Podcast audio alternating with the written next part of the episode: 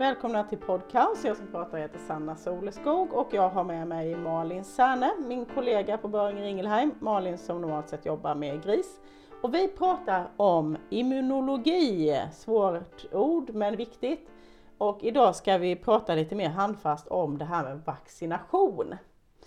Eh, Malin, du jobbar ju med gris och där vaccinerar ni mera. Eh, det gör kanske att vi på sätt och vis har olika syn eller på det här hur, hur vanligt det är att vaccinera och vad man vaccinerar mot. När menar du att man ska överväga att börja vaccinera i en besättning?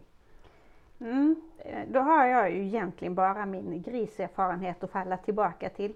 Men djur är djur som djur vi brukar är säga. djur, precis ja. Mm. Men, men eh, jag har ju jobbat eh, som praktiserande grisveterinär i 20 år Mm. och vi vaccinerar väldigt mycket. Eh, vi vaccinerar de allra, allra flesta utav våra smågrisar vaccineras både mot eh, en och två och tre, fyra, fem sjukdomar. Mm. Våra suggor vaccineras mot eh, två, tre, fyra, fem, sex, sju sjukdomar, typ.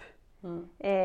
Och en del utav sjukdomarna som suggorna vaccineras mot vaccineras mot för deras egen skull. Och en del eh, sjukdomar vaccinerar vi suggorna för att de ska bilda eh, maternella antikroppar som ger skydd till smågrisarna.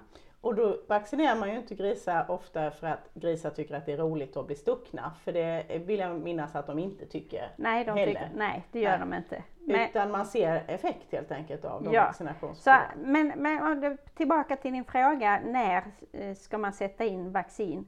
Alltså jag har haft en enkät med nästan alla utav grisveterinärerna i Sverige, de som jobbar till övervägande del med, eh, med gris.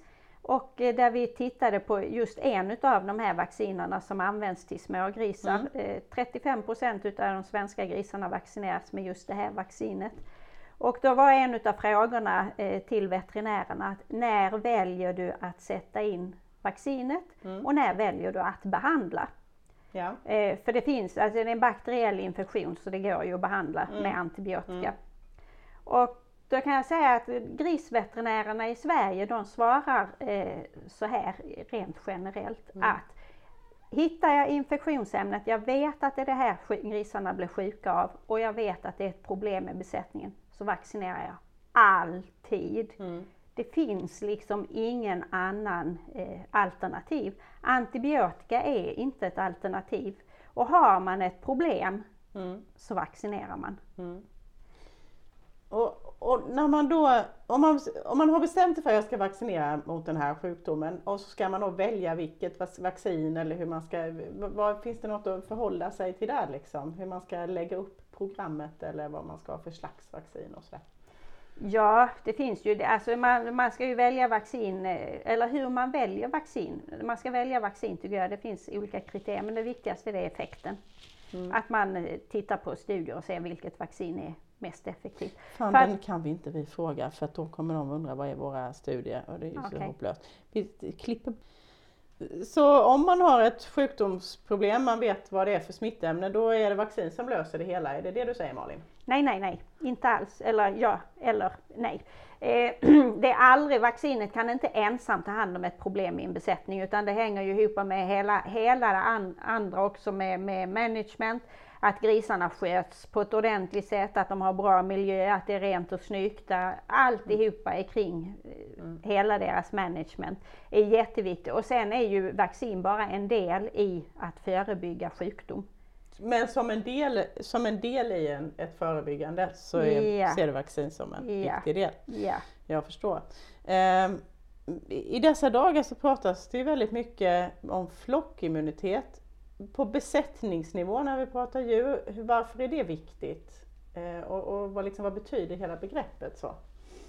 Eh, Begreppet är ju det att om, om de eh, flesta djuren, om man säger 60-80 procent utav djuren i en flock är immuna så har infektionsämnet ingenstans att ta vägen och de resterande, de som inte är immuna, är på sätt och vis skyddade. Mm, oj, För att de här hjälper till så att säga, att Ja, inte föröka ja. det. Och det är väl där egentligen vi ser ibland, i alla fall i, när det gäller kanske när man börjar vaccinera kalvar, att man förväntar sig en direkt effekt. Man har ett stort stall med ovaccinerade djur, man börjar vaccinera. Och då är, dröjer det ju ganska lång tid innan man har flockimmunitet. Ja. vi, vi, det är ju inte riktigt aktuellt i grisbesättningar för där har vi så mycket omgångsproduktion. Ja. Det vill säga vi har ett, en, en hel omgång med 400 grisar.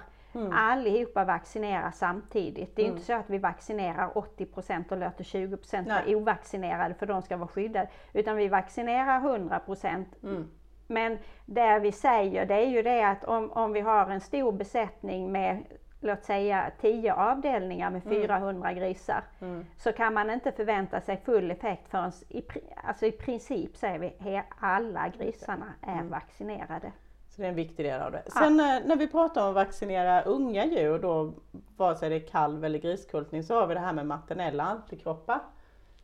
Skulle du vilja reda ut det begreppet lite vad det är och varför det skulle vara ett hinder? Eller när det är ett hinder? Ja, eh, det man kan säga eh, Eh, de tar ju upp, eh, tar ju upp via råmjölken, både grisar och kalvar tar ju upp antikroppar från mamma via råmjölken.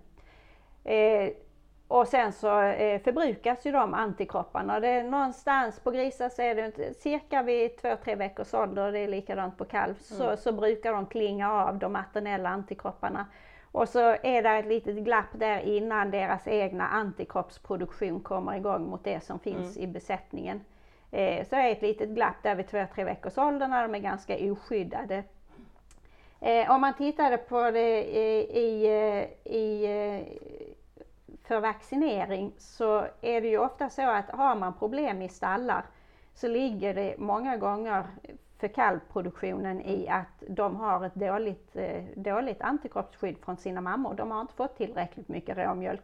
Och då är det lite en icke-fråga för vaccinering. Den är inte så viktig, den blockerar Nej, inte den så blockerar mycket. inte så mycket Nej. eftersom anledningen till att de är sjuka är att de har en dålig antikroppsförsörjning via råmjölken. Mm. Eh, sen är det också sen är det lite olika från infektion till infektion. På mm. grisar så har vi ju Eh, har vi ju infektioner där vi kan vaccinera grisarna redan vid 10 dagar utan problem, även om det finns maternella mm. antikroppar. Vaccinerna fungerar i alla fall. Mm. Och sen finns det andra vacciner som inte fungerar förrän grisarna är någonstans fem månader gamla på grund av eh, mm. persisterande maternella antikroppar. Så det beror helt enkelt på vad det är, vad det är för vaccin och smittämne? Eller precis. smittämne ja, ja. Mm. Eh, vi försöker ju vad vi kan med att instruera kring att man ska hantera vaccinet eh, med varsamt, eh, använda upp blandat vaccin och kylskåp och det här. Varför är det så viktigt? Vad är det som, är så, vad är det som händer? Ja. Ja, vaccinet är ju en väldigt känslig vara. Mm. Dels innehåller vaccin inte eh, konserveringsmedel, så så fort man har brutit en förpackning, eh, alltså stoppat ner en kanyl i, mm. och även om man har en, en ren kanyl och man har gjort allting så mm. rent man kan, så kommer det med skit mm. in. Och för det där eh, stå längre, mm. vi brukar säga åtta timmar på de flesta. Lite olika på vad man, ja, ja, men vad man gör av med mm. på en dag. Eh, man ska inte spara vacciner. Utan man gör av, har man brutit förpackningen eh, så ska man göra av med det samma dag. Och det är för att det är väldigt lätt händer att det börjar växa, mm. mm. Eh, mm. växa i det och det är inte bra. Sen är det de här som är blandade, ofta, ofta alltså blandade där man har, där man har det är många gånger levande vaccin. Mm. Och de överlever inte så länge. Nej, just det. Så, de måste mm. användas upp för att sen så mm. avtar vaccineffekten helt enkelt. Mm. Jätteintressant. Eh, sen har, det är en spännande fråga som, som jag har fått ett par gånger som är intressant. Det är att oavsett om vi vaccinerar en mycket liten ko eller en väldigt stor ko, det är ofta skillnad på kalvdos och kanske vuxendos, men så har man samma dos. Ja, och det har vi till gris också. Vi har våra grisar som väger typ 2 kilo de har samma dos som, som mamman som väger 300 kilo. Är inte det konstigt? Det är jättemärkligt. Men det är så att, det är så att en dos är en dos och det är en viss mängd antigen som behövs för att stimulera immunförsvaret. Och det spelar ingen roll om man är 2 kilo eller om man är 300 kilo. Det är ungefär samma dos som behövs i alla fall. Spännande. Mm. Eh, tack så mycket för den här pratstunden om vaccin och hur man ska hantera det och det är mycket möjligt att vi kommer tillbaka i flera avsnitt. Ja. Malin Sanne, tack för att jag fick en pratstund med dig eh, och på återhörande. Tack, tack.